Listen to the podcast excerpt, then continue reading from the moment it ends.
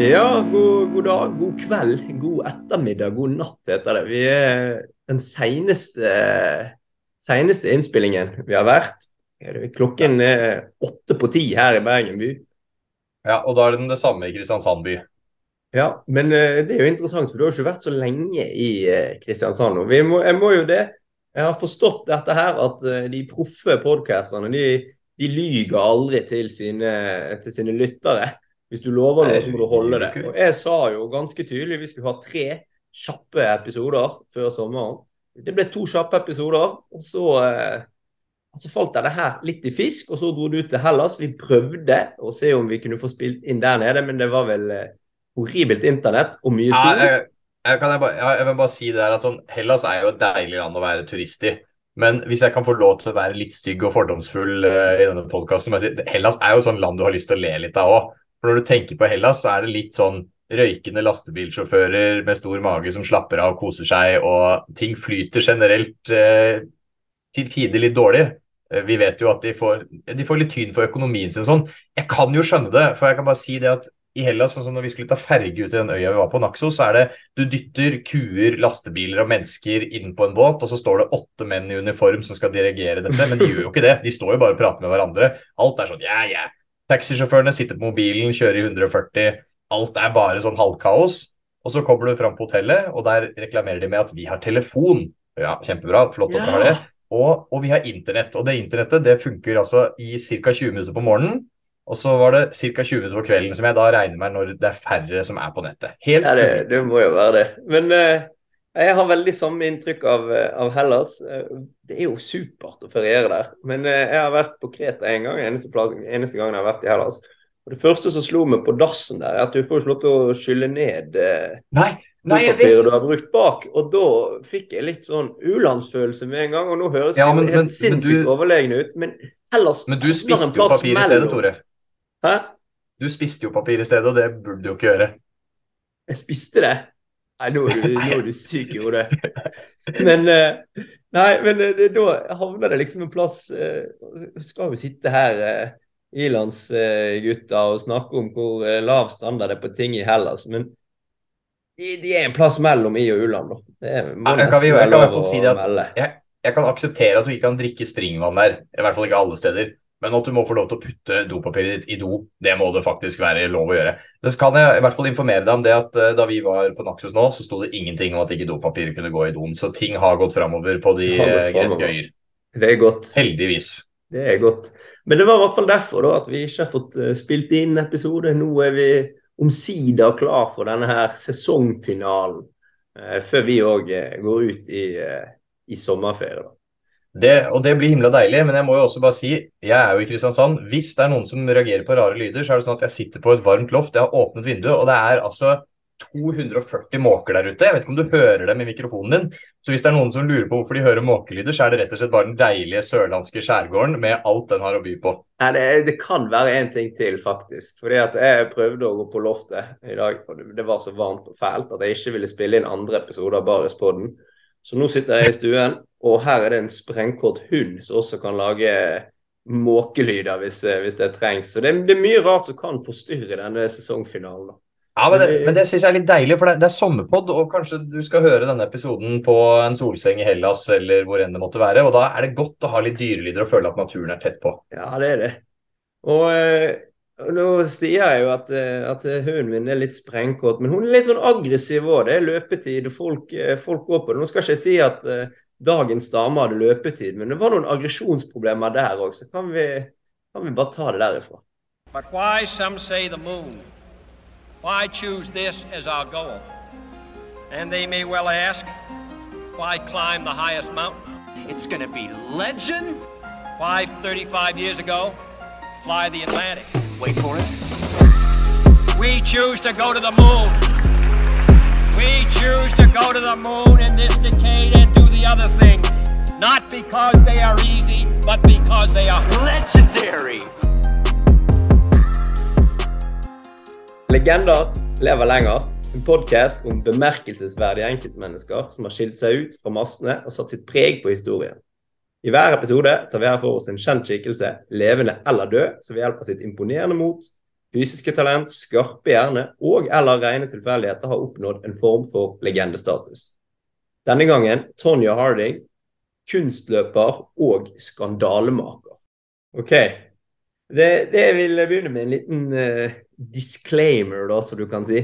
For dagens legende hun er jo kanskje den minst sånn totalkjente av alle personer vi har hatt. Ja, det vil kan kanskje si det. Kan kanskje si det. Eh, hun, har, hun, er jo selvfølgelig en peak, men det er kanskje ikke en person som kommer til å bli husket om 50 år, da. Kanskje. Hvem vet. Nei, men historien kan bli det. Og så er det jo fint å, jeg vil jo si at det er fint å trekke fram folk som du kanskje ikke har hørt om på forhånd. Jeg tipper de fleste vi har hatt om, er kjente for folk flest. Og her, eh, her drar vi fram en som kanskje blir en legende. Hun, hun treffer i hvert fall det at hun er en person som mange kanskje har hørt om uten å mm. ha så veldig mye kunnskap om det. Det var vel noe av det vi snakket om eh, i aller første episode. Ja, det gjelder i hvert fall meg. Hun er i hvert fall ikke hun er ikke tidenes beste kunstløper. Hun var god, men hun er ikke i nærheten av å egentlig kvalifisere seg til en egen episode på bakgrunn av eh, sportslige resultater, da, som f.eks. Pelé hadde, som vi har hatt en episode om før.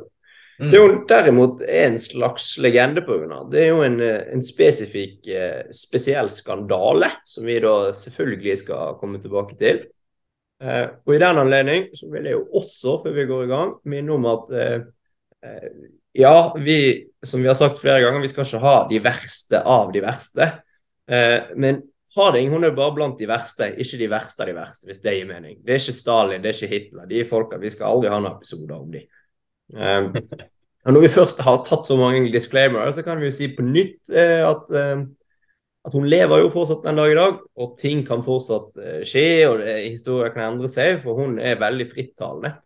Og, og ting kan, kan, skje med de som lever. Det fikk vi jo smertelig erfare da eh, Dalai Lama var ute og dreit seg ut noen uker etter at vi hadde hatt en ja, episode om hvor flott og fin han var. Ja, vi har, har, vi adressert det der at det å kline med unge gutter mot deres vilje, det er generelt en dårlig idé, uansett om du er Dalai Lama eller uh, noen andre? Det er litt ekkelt, og litt ekkelt, det er jævlig ekkelt. Ja, det er veldig ekkelt.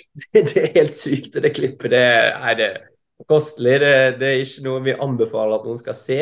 Men det mest skuffende er jo at den jeg må innrømme mine litt sånn fordommer mot en del organisert religion her, og så kommer han ene man liksom ser på som han der er ganske fornuftig. Så ja. gjør han det der på film foran mange hundre mennesker. For faen gjør han i et, i et, rom uten mange hundre mennesker? Da? Man må ja, det, er et betimelig spørsmål, men jeg vet ikke om jeg vil vite svaret. Eller. Nei, men vi, vi, er jo ikke her for å snakke om uh, Dalai Lama nå, men jeg er i hvert fall helt enig i prinsippet at om Tonja Harding skulle finne på å gjøre noe helt crazy, det er ikke pga. oss, i hvert fall. Og på det tidspunktet vi spiller denne poden, så er det hennes tidligere kontroverser som gjør at hun er aktuell. Hun er aktuell altså nå fram til uh, 9.7.2023. OK. Vi skal i hvert fall til Portland, USA i det herrens eh, år 1970. Vet du hvor det ligger? Portland er jo på vestkysten. Det ligger eh, oppe i eh, hjørnet der, oppe mot venstre. Er det ikke nord for California og på grensen til Canada? Helt oppe i, helt nordvest. Ja, du er spot on. Mellom Oregon og Washington State. Og der hun ble født og vokste opp, det er en et lite ja, Hva skal man si En liten eh, forstad til eh, Portland. Ja, Portland er en by i Oregon stat. Ja, ja da er vi på plass. For jeg mener, jeg mener det var en Det er en, en forstad til byen Portland, helt på ja. grensen da til Washington State. Så det her jeg surrer litt. Men det er altså helt oppi der i, i isødet. Det er, det er kaldt ute, det er masse snø på har lyst til å si campingbilhjemmene, men jeg, altså, jeg tror ikke hun egentlig bodde i en campingbilhjem. Men eh, vi skal til de lavere eh, økonomiske sjikter her.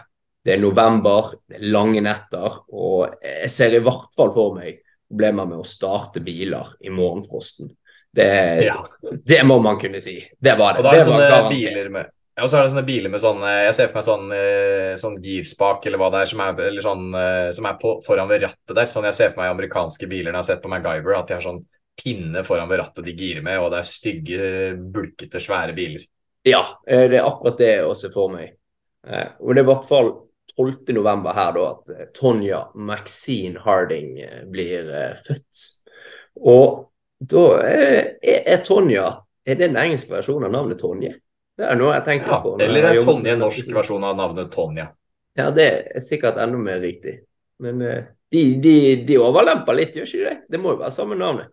Jo, det gjør det. Og i den forbindelse kan jeg si at mens jeg satt i en gresk taxi og var livredd for å krasje, så tenkte jeg på at det greske navnet Ioannis egentlig er uh, den greske versjonen av Johannes. Ja. Ikke sant? Plutselig gikk det opp et lys for meg. Alle disse navnene er jo bare det samme bibelske navnet med forskjellig nordisk, gresk, tysk var en variant. Så har dere litt å tenke på i sommervarmen, dere. Ja, det er gøy. Det er gøy. Eh, men jeg, jeg, tror ikke du finner Jeg tror ikke du finner noe ja, noe, noe norsk variant av moren sitt navn. Hun heter Lavona Golden. Lavona Nei, jeg vet ikke. Eh, faren det er jo Albert. Albert Harding. Og det funker jo både på norsk og på engelsk og på, på svensk og på, mange språk. Al, eller Albert Harding. Og de er da en fattig familie. Lavona hun er servitør, hun jobber eh, lange dager. Mens Albert han eh, tar diverse strøjobber innen bilmekanikk og transport, men han går også lenge uten jobb. Det er mange perioder der han ikke jobber, og eh, noen perioder der han kjører bil, og noen ja, der han jobber ofte med bil og mekanikk, da, som også er en tidlig interesse for, eh, for Tony Tonje Harding òg.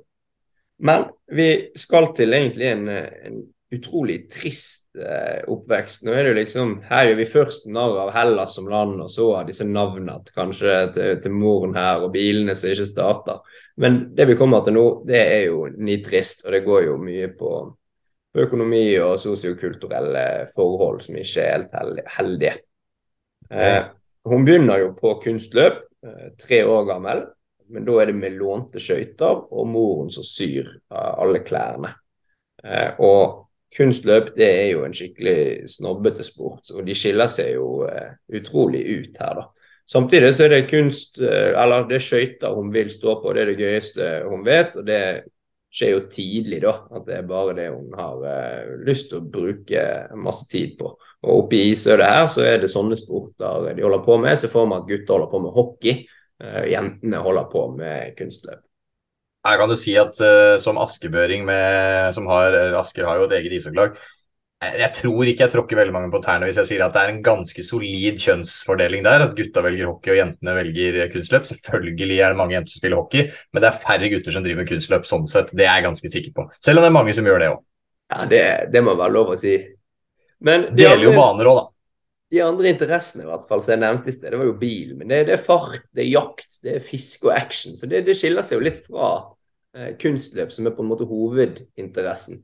Men utenom det så beskrives hun veldig som en sånn som en aktiv guttejente. Som, eh, som er veldig glad i fart og moro og bil og, ja, og jakt. Eh, det er en dame som heter Diane Rollinson, som er treneren allerede nå når hun er en liten jente. Eh, og det er den samme damen som da skal faktisk lede hun under OL i eller på Lillehammer. Det er en av de få plassene der man kan si begge deler, føler jeg. Mm. Jeg tror det står på, jeg vil si på Lillehammer, på Hamar. Jeg har hørt forklaringen på det der en eller annen gang, at det har et eller annet med noe innlandsopplegg å gjøre. Du sier jo ikke på på steder som er nært kysten, men, eh, men eh, du kan si det om øyer. Så det er ja. øyer og steder som har vært enten om det tror det var på fjell eller på gårder, med fare og more for at jeg eh, blander dette nå, men dette er det ikke så lenge siden jeg satt og diskuterte med noen. Kanskje noen kan finne det ut for meg. Du, du kan i hvert fall si i Lillehammer kommune, da. Det kan du. Det er en sånn uh, hack hvis du noen gang har sagt feil plass. Hvis du sier i Voss, så må du bare legge på kommune med en gang før du får en hel haug med sinte uh, bønder etter deg. Uh, OK. Men vi skal til, til enda tristere kår. For dette er, det er faktisk ikke hyggelig i det hele tatt. moren skal ha slått Tonja i oppveksten. Eh, og ifølge Tonja sjøl så skal dette ha skjedd fra hun var syv og til hun flyttet ut når hun var 16-17 år gammel. Så det er, jo, eh, det er jo ikke bra i det hele tatt. Eh, moren nekter for alt utenom ett slag. Så det har i hvert fall skjedd én gang, da.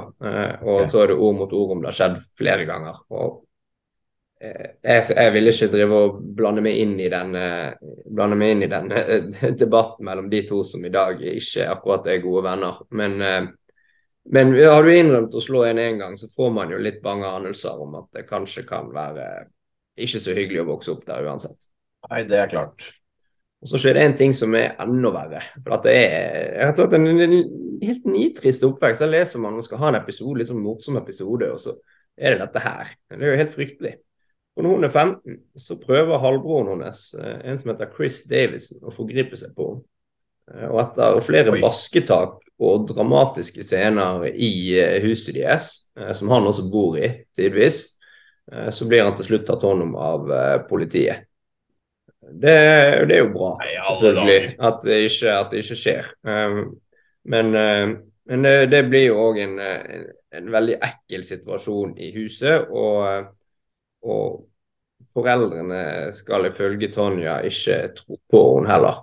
Uh, selv om dette går så langt til at politiet må komme og, og hente henne. Uh, nei, og hente han um, Chris. Så det er jo uansett ganske fryktelige scener som som beskrives her fra, fra oppveksten hennes. Davison for øvrig, han dør i noe som jeg forstår som en slags drive-by-skyting noen år uh, seinere. Så det er, ja, det, det, det, er voldsomt. Uh, og om han så sier Tony Harding at hun kan tilgi absolutt alle utenom han halvbroren, da, fordi at hun er bare glad for at han døde. Ja, det kan man vel forstå. det kan man vel forstå, ja. Men vet du noe om det, den eh, ulykken, altså det at han dør, har det noe med det at han er en fæl fyr? Er det, han, I og med at han er forgriper, så er han sikkert ikke verdens eh, eller mors beste barn på andre ting heller? Jeg prøvde å Ja, nei, det Jeg har forstått at han eh, At han var litt kriminell, hvis det Ja. kan hvis man Et kan si råttent det. eple, dette her. Absolutt et, et råttent eple, egentlig på en råtten stamme, kanskje. Ja.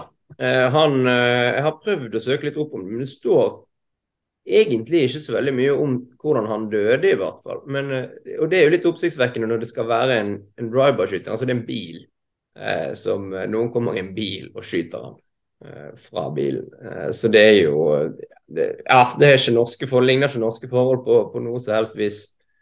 Men han dør, og han er jo ikke en fyr som Det eneste han er kjent for, er jo kanskje dette voldtektsforsøket.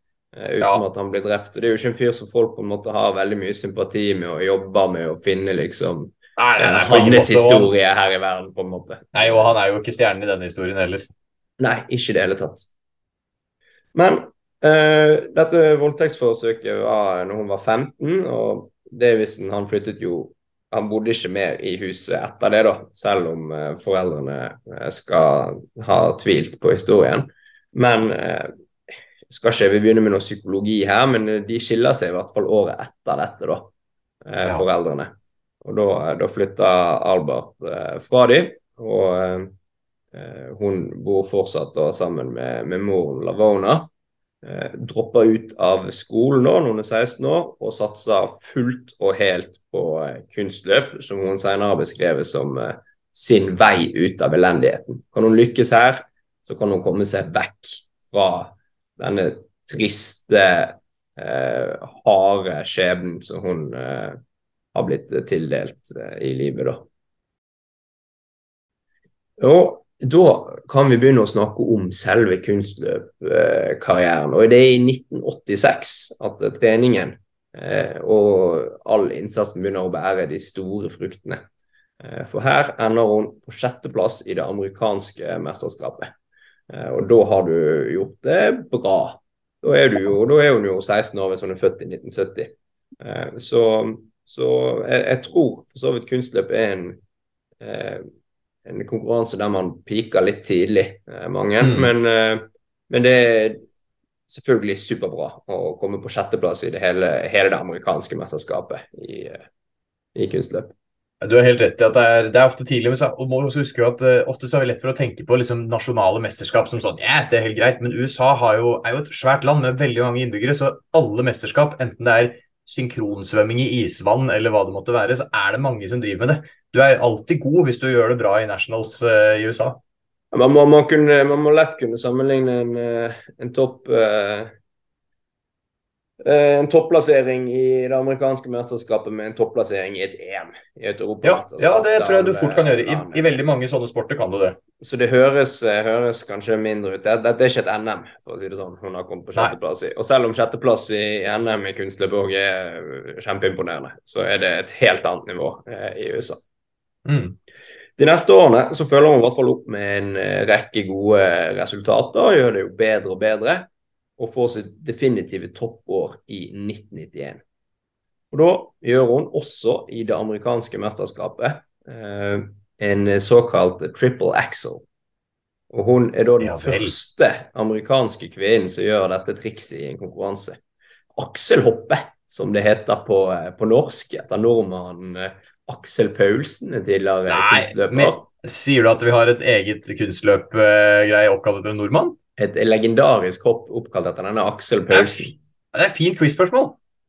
Og det som er Jeg skal langt ifra gå inn på tekniske begivenheter her, men du, du skal i hvert fall satse forover, etter hva jeg har forstått, og deretter ta tre og en halv rotasjon i luften. Det til den dag i dag eh, Jeg lurer på om eh, eh, Wikipedia mente seks eller syv kvinner totalt som har gjennomført dette trikset. Så det er et, eh, et enormt triks. Hun er ikke den første i verden som gjør det, men hun er den første amerikanske kvinnen som gjør dette her. Eh, og kanskje den andre eller tredje i historien av kvinner som gjør dette akselhoppet. Eh, en trippel akselhopp, selvfølgelig. For det er mange som kan dobbel aksel og, og det som sies. Det er fortsatt en, fortsatt en øvelse som gjøres svært sjelden i de internasjonale mesterskapene, fordi at det er grisevanskelig. Og det er dette, dette trikset her som gjør at hun vinner det amerikanske mesterskapet for første gang. Og da er det jo lett å si at dette her enkelt og greit er på en teknisk knockout. Hun gjør et triks ingen andre klarer. Hun banker de. Altså, de klarer ikke det trikset, hun klarer det. Da, eh, da vinner du, eh, egentlig. Eh, og dette er også noe som er litt spesielt, for Harding har ment seg bortdømt i flere år pga. stil og klær og fremtoning. Så hun må gjøre noe ekstraordinært for å ta rotta på de andre som er like flinke som hun, og ca. like flink. Eh, så må hun gjøre noe lite ekstra for å faktisk slå dem, fordi at hun mener seg bortdømt pga. stil og klær. Hun kommer fortsatt i mange år når hun har vært eh, i, av, i slutten av tenårene og starten av 20-årene før du, hun har begynt å tjene store penger på, på kunstløp, så er det fortsatt hjemmesydde klær fra hun eller moren. Eh, det er drakter som kanskje kan se litt rarere ut enn noen av konkurrentene, og hun ter seg eh, ikke helt som en, på en måte en sånn eh, kunstløpdronning. Og eh, blant annet skal en eh, dommer en gang ha direkte kritisert eh, hennes hjemmesydde drakt, og det er eh, Hun er faktisk ikke alene da, om å mene seg bortdømt mye pga. stil og, og fremtoning. Da. Det er mange som mener hun har et godt poeng her i årene fram til hun klarer denne triple axel. Men det er sånn det, og det er jo tydelig at det er litt sånn som da får jeg sånn snobbeinntrykk. Men generelt syns jeg det er, en, er det lov å si at jeg synes det er en svakhet med sporter der stil bedømmes. Og, det, og da tenker jeg faktisk så bredt som til ja, si langrenn eller snowboard eller hva det måtte være. Jeg, jeg klarer ofte å kjenne på en sånn irritasjon over at det ikke er målbart på samme måte. At du alltid får en slags sånn subjektiv subjektiv dimensjon i det. At du skal vurdere noen på sånn Nei, jeg syns du var litt finere eller du var litt flinkere. Jeg sier ikke at sporten ikke kan tas på alvor av den grunn, men det er utrolig vanskelig å skulle vurdere ting helt rettferdig når stil plutselig er med i, eh, med i kriteriene. Ja, det er det. Det er det absolutt. Og eh, det er jo som nå, så Du nevner jo langrenn som heter en av de sportene som ikke har stil. Og det hadde jo vært kjedelig om Klæbo sitt sånt uh, Klæbo-rykk oppover den der. Det ser jo Ja, helt løk ut. Men hvis han skulle blitt bortdømt Nei, du får ikke vinne fordi at du gjør det der. Det, Ja, jeg sa kanskje langrenn, jeg mente jo selvfølgelig skihopp, men, eh, men ja, du har helt rett. Og jeg, det jeg er- tolker det som, som en motsetning til snowboard, jeg, som, var, som Ja, på en måte er, er sporten der du dømmes. på det. Ja, du har et eksempel det er nettopp der hvor han Ståle Sandbekk, hvor disse danskene sitter og roper 'det er gull til Ståle', og så blir han tydeligvis bortdømt på et eller annet stilgreier som gjør at det ikke blir gull til Ståle. Men nok om det. Nei, det er Jeg er enig. Eh, Jeg har jo ikke jeg er jo ikke i nærheten av å skulle kunne vite sjøl og uttale meg om hun faktisk har blitt eh, bortdømt på disse tingene. Men det er jo, det er jo en, en prekær- jeg, kan, jeg kan fint se det for meg. det er jo en prekær detalj oppi alt dette her. Eh, I OL i Albertville så blir eh, Harding nummer fire. Nummer tre, det er hennes landskvinne, da. Nancy Kerrigan. Så det er hun som tar bronsen. Og i OL her så klarer ikke eh, Harding Da gjør hun ikke noe helt ekstraordinært, men hun gjør, hun gjør mye bra. Eh, men det er et veldig viktig navn å legge merke til, dette Nancy Kerrigan, for det er på en måte det er Hardings nemesis. Og pressen spiller de veldig opp mot hverandre. Da er Nancy det sunne forbildet. Eh, den perfekte, velstående, veltalende, eh, fint kledde eh, Frøken Perfekt som alltid er på album Nei, ikke på albumcover, men på liksom på på, på, bladene, magasin, på magasinene? Ja, på magasinene og i kvinnebladene. og Hun er på en måte den, den helten som pressen vil ha fram som, som Jesus-skikkelsen mer. Der, der Harding fra slummet blir ja, blir behandlet på en annen måte. Da. Den stygge andungen Tonja som ikke er så, ikke er så veltalende, og som uh, kler seg rart, og som uh, ja, ikke, ikke klarer å stå opp på stil og, og sånt uh, mot, mot, Nancy. da. og de er jo, som jeg sier, nemesiser. Og da tenkte jeg litt på noen andre episoder vi har hatt. Altså Folk kan jo være venn eller uvenn som utad og på ekte, da. Uh, og vi for eksempel, vi er jo venner utad og også venner på ekte. Uh, mm. Og så hadde vi jo Tupac og Biggie, de er jo fiender utad og også fiender på ekte. mens ja. vi hadde litt om Ali, Mohammed Ali og hans store nemesis Joe Fraser, der det kom fram at de var fiender utad, men egentlig gode bøsser eh, bak boksingen. Okay. Så har vi disse her jentene som utad er gode venner, men som på ekte har eh, veldig stor konkurranse og eh, til tider forakt for hverandre bak Oi. kamera. da. Så de liker ja. hverandre ikke i det hele tatt. Og de som er nær på eh, Harding, eh, har snakket eh, mye siden om hvilket på en måte bittert rivaleri og hat hun til tider følte mot uh, Nancy Kerrigan, selv om hun var på landslaget med henne og uh, av og til så på, på rommet på samlinger og liksom skulle være venner her, da. Eh, så, så den, er litt, den er litt fiffig. Og så er det jo det elementet igjen med at Tonja klarte triks som Nancy ikke klarer. Nancy får likevel mye bedre avtaler og sponsorships enn det Tonja eh, gjør, da. Så det er jo, det er jo absolutt en misunnelse blandet inn i dette rivaleriet. Eh, og om du f.eks. mister OL-bronsen din på, på, stil og klær, eh, så er det, jo, er det jo lov å bli bitter for det, da, hvis man kan si det sånn. Hva tenker du? Nei, jeg, jeg, kjøper det. Så tenker jeg sånn, Man vil jo gjerne bygge opp eh, altså Hvis du tenker sponsor og sånn, da. Sånn er det jo i den moderne verden òg. det er jo lett Hvis du har en karisma og en persona som gjør det lettere å bygge deg opp, så kan det noen ganger bety mer enn de sportslige ferdighetene. Kommer ikke på noen konkrete eksempler, for er du aller aller best, så får du jo det med deg på kjøpet uansett. Men noen er bare så enkle å bygge opp og skape til merkevarer. Det er det. Det er det. det er, jeg ser jo for meg noe i Ødegård fryktelig fryktelig god i fotball.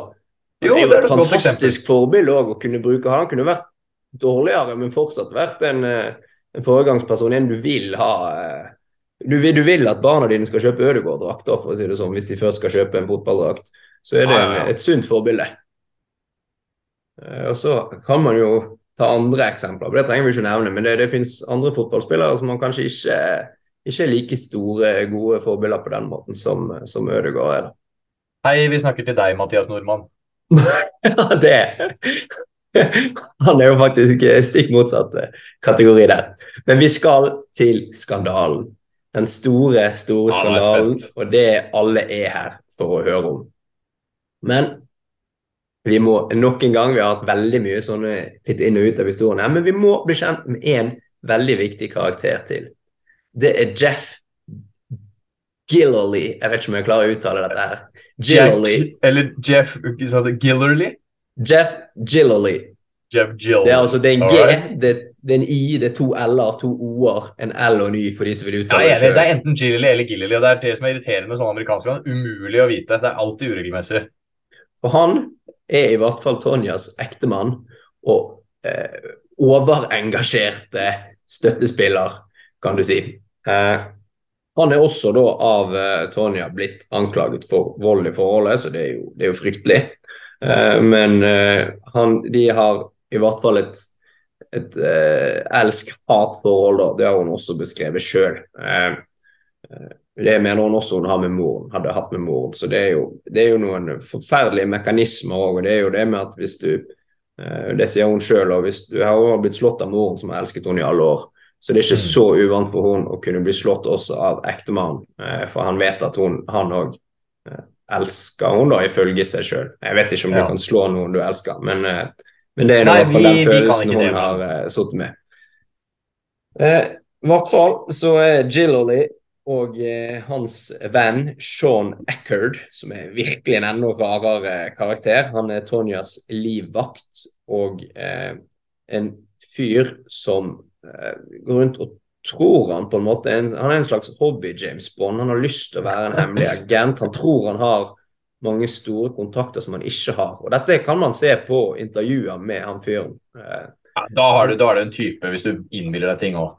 Ja, han, han, tror han har et mye større kontaktnettverk enn han egentlig har, da. Eh, er han han fyren som tror han har gode venner, og som, eh, som alle snakker om litt sånn bak ryggen, og så bare eh, Kanskje ikke invitere han på den festen? Er han en sånn fyr som eh, egentlig er litt slitsom, og som egentlig ingen ville vedkjent seg? Eh, nå er jo ikke han her for å forsvare seg, men det har Nei, jeg vet, jeg vet. helt eh, ja, okay. vi, vi, går for et ja. I, I 1993 i hvert fall, så får Tony Harding dødstrusler mot seg om å stå over et stevne. Og det er da en idé skal bli tent her, da, som, eh, som Tonja Leiren tar videre inn mot eh, OL på Lillehammer. Eh, vi skal til Detroit. Året er 1994, og det er før OL på Lillehammer. Det skal være amerikansk mesterskap i kunstløp på nytt, og det er en veldig viktig kvalik for amerikanerne. Og det er jo ofte dette amerikanske uttaket som det, det, er kjent som. Eh, vinner du det amerikanske mesterskapet, så kommer du til, eh, til OL. Og de har satt av én plass, skal uansett gå til vinneren av eh, mesterskapet.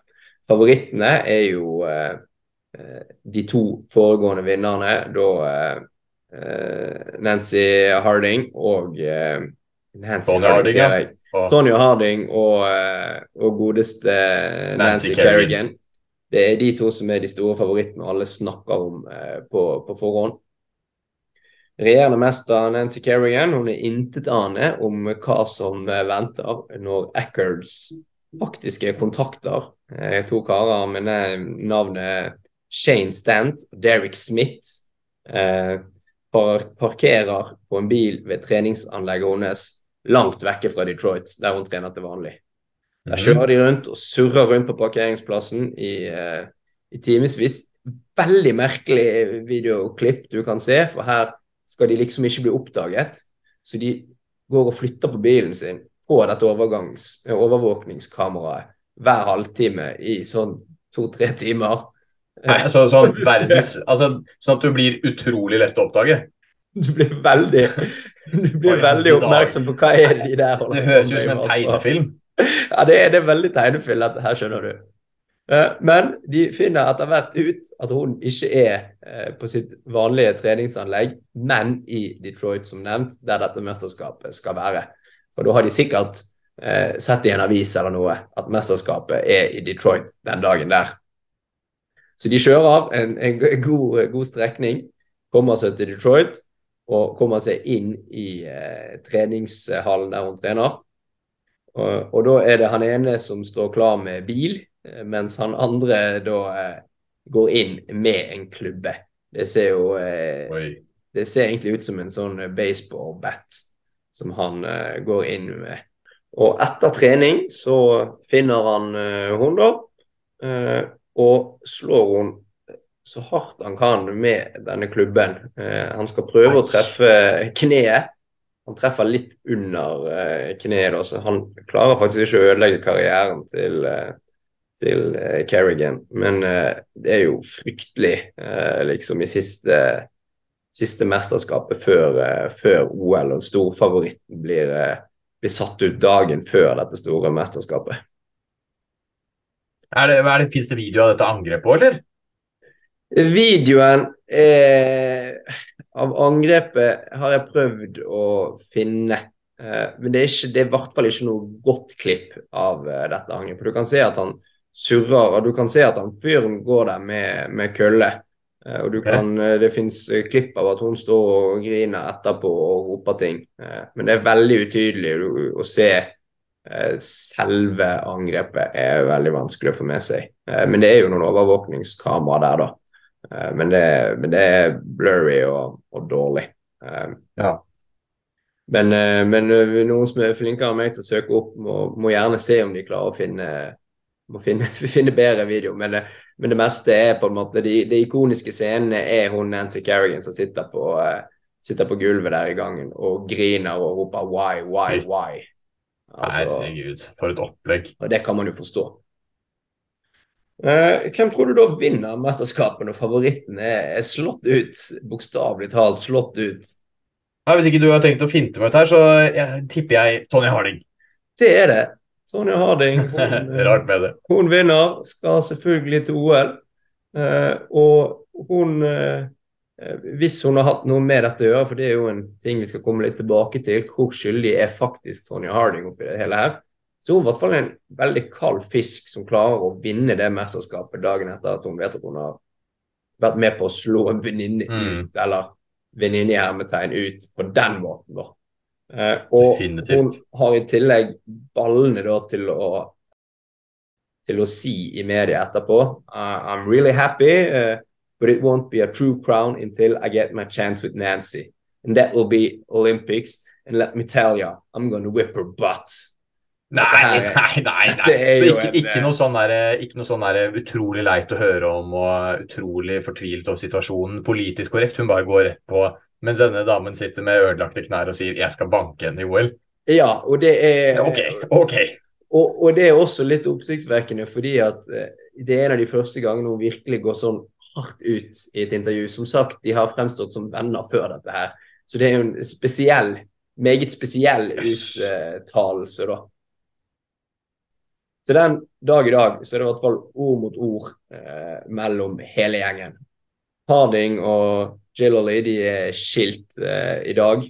Eh, Harding mener at Gillily eh, planla dette her, eh, sammen med han Eckerd, som var hennes tidligere livvakt og en god kompis av eh, Gillily.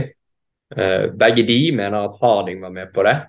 Eckerd mener at han fikk i oppdrag av Gillily og Harding å drepe Nancy Kerrigan. Oi. Men som sagt, han er jo kjent for å ha Han er ikke en fyr som Han smører litt på. han er kjent for å smøre litt på, da. eh, Og ha eh, eh, Han har ikke den største tilliten på disse intervjuene, der han på en måte prøver nesten å framstå som den hvite ridderen som sørget for at det bare var et kne som skulle ødelegges her, og ikke, ikke noe verre. Um, Carrigan tror jo ikke på Harding eh, den dagen den dag i dag, i hvert fall, selv om hun eh, der og da i, i spekulasjon eh, like etter angrepet. For det kommer etter hvert opp at, eh, at Gilly og Eckerd er, er nære eh, venner, og at Eckerd har betalt eh, disse kontaktene sine eh, med liksom eh, det, det har ikke vært en vanskelig sporingsjobb for politiet da, å spore opp dette nettverket av eh, konspirasjoner, eh, folk som har stått bak denne konspirasjonen. da. Eh, Shane Stant og Derek Smith, altså han som kjører bilen og han som gjennomfører angrepet. Han som gjennomfører angrepet, knuser vel en rute til og med på hele på, idrettshallen for å komme seg vekk derfra. Han klarer ikke å finne en utgang engang. Og får panikk og knuser ruten med samme baseballbat som han har slått, eh, slått hånden med. Eh, og så står han andre der ute med bil, og den, får man jo, den har man jo fanget opp så sirkler rundt den, den, idrett, den andre idrettshallen i timevis uh, en dag eller to før. Eh, og de har eh, kjøpt inn alt de trenger med sine egne kort, og det er liksom Det er ikke noe sånn Det er De ingen Det er jo rett og slett James kjempedårlige, de. De er, jo, de er jo dårlige på det de gjør. Altså, det, det er dum og dummere Ja. De er det. Eh, så, så Shane Ackard sin, sin, James Bond-organisasjon er er ikke like effektiv som MI6 eh, på, på film, i hvert fall. Eh, de blir, de blir samlet opp hele gjengen, og Ackard sprekker eh, med politiet og eh, legger ut om alle de andre, og de legger ut mot hverandre. Men det er én mistenkelig telefon som knytter også Harding sjøl til dette angrepet. For hennes historie er hele veien at Gillory og Eckard gjorde dette her for henne. Motivasjonen til Gillory var selvfølgelig å, ja, å hjelpe konen sin til å, mm. til å, vinne mesterskapet og komme til OL. og Det var så viktig å komme til OL at det skulle sikres eh, uansett. Koste hva det koste ville. Igjen litt sånn dumt, siden det er to stykker som skal dit, eh, og de var de favorittene til å ja, få de to amerikanske plassene. Eh, og når det går som det går, og Carrigan faktisk ikke blir slått så brutalt i kneet som de hadde håpet på, så er jo hun klar til OL senere samme året og får den andre plassen på laget. Så det er altså Kerrigan og Harding som skal til OL. Men igjen Men da selvfølgelig med denne saken som bakteppe? Med denne saken som bakteppe. Det største eh, i, uh, i, det OL-et der. Eh, største snakkisen eh, ja, hele året, føler jeg nesten, av idretts... ikke idrettsprestasjoner, men i hvert fall idretts, idrettsåret 1994 har de to kunstløperne her De er med på å prege det, da. Denne telefonen, i hvert fall, der er det den mistenkelige telefonen, det er, kan knyttes til at Tonya Harding er den som eh, tar telefonen for å finne ut hvor Nancy eh, Kerrigan trener. Okay. Det vet man at det er hun som gjør. Du, du, du, og når hun har blitt konfrontert med dette sjøl, så sier hun at ja, hun var med i en slags konspirasjon, eh, men det skulle være et trusselbrev bare, og ikke en fysisk skade. Eh, så hun mener jo at da Eckhard og Gilloley har gått lengre enn hun var med på. Hun har vært med på å planlegge dette, her, men hun skulle få et trusselbrev, sånn som hun hadde fått året før, og som hun fortsatt mente at, uh, at noen i Kerrigan sin uh, Jeg vet ikke om du kan si klan når det gjelder Kerrigan, for her tror jeg egentlig er en proff, uh, flink dame som egentlig ikke driver med sjuetriks. Uh, men hun mener at det er den leiren da, som står bak dødstrusselen hun fikk året før, og hun ville gi en sånn dødstrussel tilbake igjen. da. Eh, fordi at det satte jo hun ut av et mesterskap, og eh, hun eh, Ja. Eh, eh, hun syntes jo det var kjipt, selvfølgelig. Men, eh, men, det er jo ikke noe man Man vet ikke i dag hvem som har hvem som sto bak de, de dødstruslene, da. Men ja, det, det, er de to som drar til Lillehammer. Og på trening så er det de to som deler isen, fordi at det er jo det amerikanske laget. Mm. Og Nancy Kerrigan hun er jo en karismatisk person som kan eh, spille pressen rundt fingeren sin. Hun stiller i, på trening da, samme drakten som hun ble overfalt i. så det er mye mye, mye goodwill å hente hos, eh, hos, pressen her. I mesterskapet så eh, gjør Kerrigan det veldig bra og får andreplassen. Hun tar altså OL-sølvet og forbedrer sin bronse fra, fra, Albert Will. Mens Harding gjør en, en mildt, snart, mildt sagt dårlig figur. Nå er det sikkert noen som håpet at hun skulle få førsteplassen. Ja, jeg lurte litt på om du skulle Nei, Vet vi hvem som vant? Eh, det var en ukrainer. Jeg husker ikke okay. navnet på hun. Men eh, eh, Harding hun bryter sammen når hun kommer ut på isen. Eh, hun er jo preget. Ja, Idet hun skal begynne å gå, eller? Idet hun skal begynne å gå, og hun er, eh, sliter med å knyte lissen. Er egentlig helt eh, idrettsmessig uakseptabelt i et OL-mesterskap og faen ikke har klart å knyte listen sin i tide. Eh, men eh, hun sliter her med, med det, og det er, det er, jo nerver. Det er jo nerver som preger henne, virkelig. Uh, og der hun klarte å være steinhard i det amerikanske mesterskapet som hun vant, og i tillegg kunne være hoven i intervjuet etterpå, og så så klarer hun ikke det her, da. Presset blir Nei. for stort. og hun pga. listen får faktisk lov til å prøve seg en gang til. Det er jo nesten litt uh, merkelig. Det er i hvert fall en uh, veldig uvanlig uh, avgjørelse tatt av dommerpanelet. men de har, kanskje, de har, kanskje, sett på dette presset, da. det må jo være helt umenneskelig. Og hun gjør det litt bedre på, på forsøk nummer to da, og tar en, en ja, fin, fin åttendeplass, da, men eh, ikke, ikke noe medalje i, i OL. Deretter så blir eh, Harding ikke dømt for angrepet. Det blir Eckhart og, og gutta.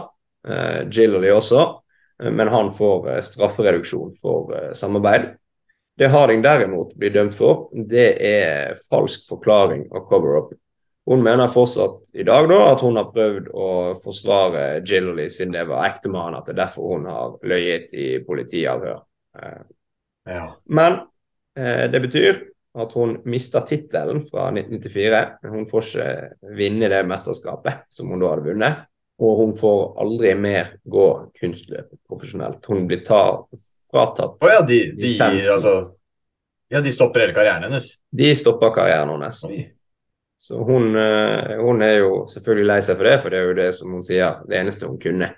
Og nå eh, ja, er det en litt mer sånn halvtrist kjendistilværelse hun går eh, inn i. Vi kan avrunde for Carrigan nå med at hun legger, legger opp kort tid etter dette OL-et her. Og Ja. er jo en, en publikumsyngling, da. I hvert fall i årene som, som kommer. I motsetning til Tonja Harding, som blir en eh, veldig eh, omdiskutert, omdisk, veldig, veldig omdiskutert og kontroversiell eh, person. Ja. Eh, det er en sextape i sirkulasjon som denne eks-ektemannen da skal ha lekket. Både The Sun og Penthouse er involvert. Er så råttent å gjøre det. disse flotte avisene. Ja, få det bort. Det er en eh, slags mislykket popkarriere. Eh, der hun blir buet ned fra scenen den ene, den ene konserten bandet hadde. Nei. En litt mer semivellykket boksekarriere. Uh, Altså, hva sa du nå? Boksing? Altså, du går fra kunstløp til boksing? En sport der Ja du skal gå og slå hverandre i fjeset? hun uh, går uh, Først begynner det med, med, med kjendisboksing, da, før hun går over faktisk til proffboksing for kvinner. Ja, hun Eh. gjør det Jake Paul og KSI eh, driver med nå. Logan Paul, eller hva det heter. Disse prime-gutta Ja, som bokser. Ja, vi begynner med, med kjendisboksing, og det er først et shitshow av en kamp. For den hun møter, det er kanskje et eh, navn ikke alle våre lyttere har hørt om. Jeg kan jo, Skal jeg spørre deg litt sånn kjipt om du har hørt om henne? Paula Jones. Nei, det sier meg ingenting. Nei. Det er den første kvinnen som anklager Bill Clinton for, eh, ja, for eh, seksuelt Oh. maktmisbruk. Så det er jo virkelig et shitshow. Og det er jo i kjølvannet av Paula Jones sine anklager om at uh, den tids uh, Arkansas-guvernør uh, Bill Clinton har utnyttet henne. at hele Monica Lewinsky-saken rulles opp, og alle disse andre damene også kommer fram. Så det er jo virkelig et shitshow når Paula Jones og Tonya Harding skal, eh, skal slåss mot hverandre. Um, Harding liten anekdote der. gir hun juling. Uh, og det er jo fordi at hun vinner veldig mange av disse kjendiskampene, da, at hun etter hvert faktisk trer inn i proffboksingens uh, Altså, hun kan slåss, altså. Ja, hun kan visst slåss. Hun er jo hun er hard. Steinar Harding. Skulle jo tatt uh, Kerrigan selv, hun. Det hadde sikkert vært en bedre jobb. Hun hadde sikkert gjort en bedre jobb, i hvert fall. Eh, De eh, Proffboksingskarrieren kan vi i hvert fall nevne. Det ble tre tap og tre seire, så det er ikke verdens lengste karriere i det hele tatt. Hun må slutte pga. astma. Men at hun i hele tatt klarer å vinne tre kamper mot profesjonelle kvinner som har boksing som hovedsak, er jo imponerende når det er kunstløp du holder på med hele, hele livet. Ja, så er det jo både litt trist og litt komisk at du må slutte å bokse, ikke fordi at du har blitt hjerneskadd etter å ha blitt slått i fjeset, men fordi at du har astma. Ja. Sikkert sånn isastma som mange får opp i de Ja, kalde områdene. Eh, men livet hennes det eh, er jo på en måte blitt en parodi av livet hennes. Det er laget en stor film eh, med, med plott inspirert av hennes eh, historie. da. I, Tonya, med Margaret Robbie som eh, Tonya Harding. Den er basert på intervjuer da med, med Gillerly og Tonya sjøl, og du får se eh, det, det er nesten som en Er det mockumentary det heter? Nei, hva heter det? Mo- Mockumentary. Mockumentary det heter, selvfølgelig. Mm. Eh, med, med der du får se liksom intervjuer eh, tatt rett fra mange ekte intervjuer der skuespillerne spiller de igjen, da. Og så får Ja. du disse forklaringene fra forskjellige fra Eckerd sine fortellinger som ikke stemmer i det hele tatt med eh, liksom den virkeligheten du blir vist bak, da. Eh, med hvordan de og de eh, tingene ble planlagt. og Det samme med hun og Jillally. Så det er en veldig sånn litt morsom film på den måten, da. Selv om det er fra mm. deres synsvinkler hele tiden, så ser du at det er veldig mye som ikke stemmer overens med det som blir sagt hele veien, og de tingene som, som faktisk skjer, da. Men uh, Tonje Harding skal jo ha likt filmen uh, sjøl, hun, da. Mm. Hun har satt en slags fartsrekord i TV-programmet The World's Dumbest. Uh, jeg prøvde å finne dette her på, uh, på YouTube, men det ble for mange uh, hundrevis av episoder å bla gjennom der. og hun var visst etter hvert en en gjentagende karakter i dette programmet The World's uh, Dumbest. og Da gjør de mange forskjellige ting, egentlig. Det høres ut som et shitshow amerikansk program, men, men der er hun med. Det blir en tredjeplass i den amerikanske versjonen av Skal vi danse. Noe Nancy Kerrigan aldri klarer, da hun ender fjerdeplass. Altså, endelig fikk hun slått henne. Så endelig får hun slått henne i noe, i hvert fall. En del trøbbel med loven blir det. Eh, Fyllekjøring og, og, diverse, diverse. Eh, men uh, hun er jo et navn som stadig nevnes i, i sanger. og kremen av bruken som Sonja Harding som et ord, på en måte, et uttrykk, det er når Barack Obama uttaler at han har Eh, noen rådgiver som mente han burde ta en Tony Harding på Hillary Clinton. Det vil han ikke gjøre. Han skal kjempe ærlig, på en måte. Han vil ikke kjøre noen drittpakker for å få vekk eh, konkurrenten sin. Eh, så der blir ordet i, i den 2008-valgkampen brukt å ta en Tony Harding, to pull a Tony Harding. Og det brukes jo da selvfølgelig i køddesnakk blant kompiser, og det var i en sånn sammenheng at jeg faktisk fikk ideen til at vi må lage en episode om uh, Tonya Harding. Tatt en Tonya. Ta en Tonya, Men uh, det skjedde ikke. Det skjedde derimot i fransk uh, kvinnefotball. Er det en Ja, PSG-saken. En PSG-sak der, ja.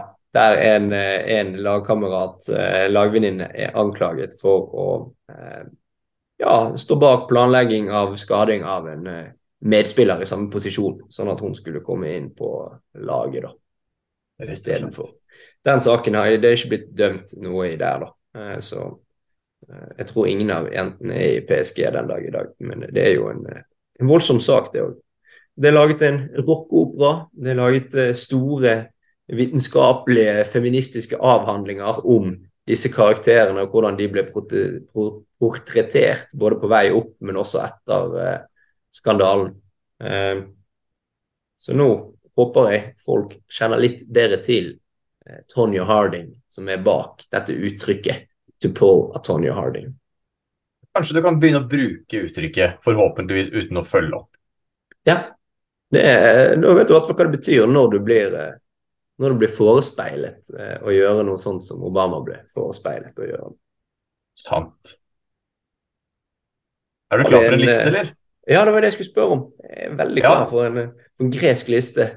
Ja, den er, ikke, den er, dessverre ikke veldig gresk, men jeg har rett og slett, uh, i og med at vi har hatt om isdans og is, så har jeg rett og slett uh, prøvd å se litt på hvilke minneverdige skøytehendelser er det vi har her i verden.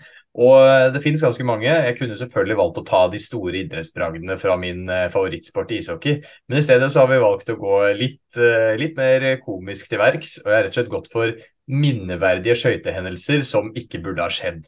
Og eh, vi kan, jo, vi kan, jo, starte med Du nevnte innledningsvis her før vi begynte å spille inn vår eh, gode venn Eirik Emil Andresen. Og dette er jo veldig snevert og noe som de fleste som denne podkasten egentlig bare kan spole rett over. Men eh, han er jo et multitalent og et fysisk beist på mange måter. Veltrent som juling. Akkurat lagt ut et Instagram-bilde i dag hvor to av fem bilder er av seg selv i baris. Men å se ham på skøyter det er noe av det mest patetiske jeg har sett i hele mitt liv. Og rett og slett en hendelse som, eh, som jeg Jeg vet ikke om jeg ble glad eller trist av å se det. Nei, Da koste du deg. Du koste jeg er sikker på at jeg har sett toåringer med bedre skøyteteknikk enn det jeg har sett Eirik Emil Andresen ha der, altså. Så en liten honorable mention til eh, Eirik der. Vi håper du koser deg i sommervarmen. Men tredjeplass på denne listen, der skal vi rett og slett til eh, Norge, og vi skal til Dorte Skappel faceplanter i isdans. Tredjeplassen der, altså. Det er ikke mange som husker at eh, TV 2 prøvde seg på Skal vi danse på is, men uh, kunstløp er jo farlige greier. Det har vi jo snakket litt om i dag. Og det er sikkert grunn til at de lot det bli med den ene sesongen i 2007. Jeg husker egentlig ingenting av den konkurransen, jeg så ikke på det heller. Men jeg husker nemlig den saken med den sinnssyke faceplanten til programleder Dorte Skappel. For eh, i et løft sammen med dansepartneren sin, jeg har sett på klippet nå, det er fantastiske greier, så løftes hun opp, sklir ut av grepet hans, lander med fjeset først i isen og bøyer seg som en sånn gummistang. Hun brettes i to. Skappel får blått øye, ble kjørt rett på sykehus. Uttalte ettertid at hun var glad at hun i hele tatt var i live. Kunne ha brekt nakken så det holdt, men, eh, og var usikker på om hun noensinne ville gå på skøyter igjen. Ble likevel med videre, og kunne likevel ikke forhindre at Pål Anders Ullevålsæter vant konkurransen. Morsomt klipp, bør ses. Eller morsomt, det er ganske fælt. Det er litt, sånn eh, eh advarer mot sterke scener. Så vi, ja, det gjør vondt. Måtte, ja, det gjør vondt. Det ser fryktelig vondt ut. Vi må ha med et lite isdanselement på den listen, så det blir altså tredjeplassen. Og nummer to, da skal vi jo til noe du har gjort narr av meg for i flere år. Vi skal selvfølgelig til 22.2.2020, nemlig David Ayers vinner oh, en NHL-kamp. Og så sitter du her og lurer på hvem er David Ayers? Jo, for nå skal du høre her. Under en NHL-kamp, altså den beste ishockeyligaen i verden, mellom Toronto Maple Leafs og Carolina Hurricanes, så blir Hurricanes sin startende målvakt James Rymer og deres reservemålvakt Peter Mrazek skadet. Og Det fører til at Carolina Hurricanes, altså bortelaget, må finne en erstatter, og den finner de i David Ayers. Han var bonifører, altså denne ismaskinen du vanner isen med, og reservemålvakt. Og da er det sånn at Han har spilt ishockey som ung, men der var han bare en relativt middelmådig sånn lavere divisjonsspiller. det ble ikke noe karriere? Nei, nei, lavere redningsprosent på 77 eller noe sånt. Sånn det er lavt en ishockeykeeper å være. Og nødmålvakter det er normalt sett lokale ishockeyspillere som er tilgjengelige for å steppe inn som målvakter i en nødsituasjon. De er ikke da medlemmer av lagene, eh, og de er heller ikke inkludert på noen spilleliste. De er rett og slett registrert som nødmålvakt hos ligaen, og skal da kunne spille for begge lag dersom det er behov. Og det skjer jo nesten aldri. Det som i hvert fall skjer, er at Ayers, som da bare har spilt lavere divisjonshockey, han må inn og spille for eh, Carolina Hurricanes. Det blir eh, tungt.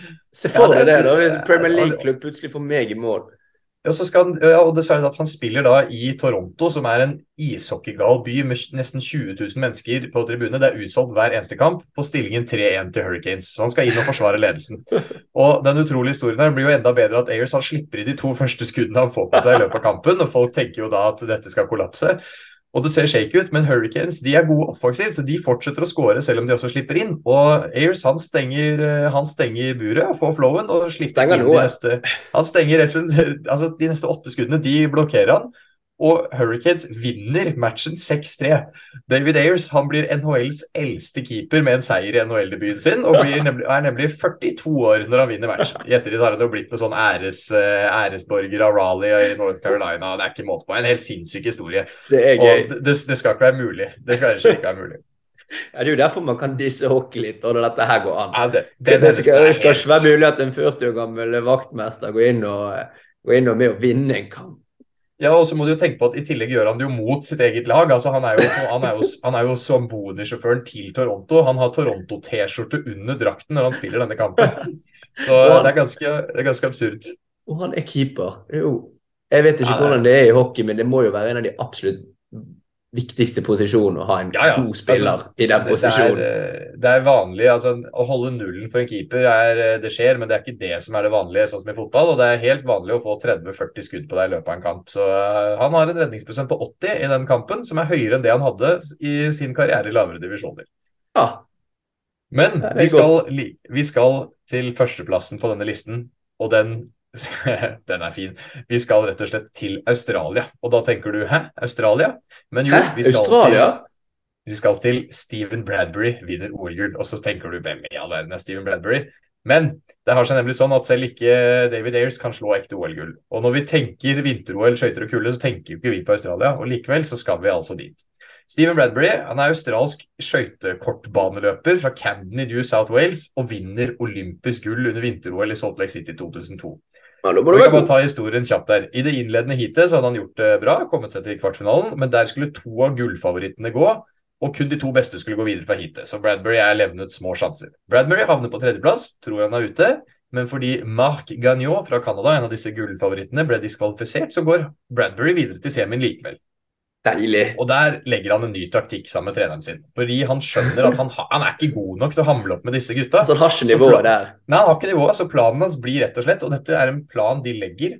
Planen er at fra nå av skal de ligge og lure bak favorittene og bare håpe at de andre krasjer. For det er ganske vanlig med krasj og knall og fall i kortbaneløp. Dette er helt enormt. Og dette er jo rett og slett fordi at han innser at han har ikke gode nok sjanser basert på fart og tekniske ferdigheter. og Derfor så er det rett og slett ren matematikk. Sjansene for å vinne på rene ferdigheter de er omtrent null. Velt og krasj er vanlig kortbaneløp, og da er sjansene større hvis du gjør ting på en annen måte og rett og slett satser på å ligge litt bak. For Han gambler også nemlig på at favorittene skal bli for heite på grøten. Det er nemlig sånn at Når ting drar seg til mot slutten, så er det lett at folk eh, går litt i hverandre. Og planen funker. I semifinalen så ligger han bak, ser ut til å bli slått ut av OL, men en krasj som involverer tre av de fem medlemmene eller tre av de fem som deltar i løpet, sørger for at han sklir over streken og vinner semifinalen.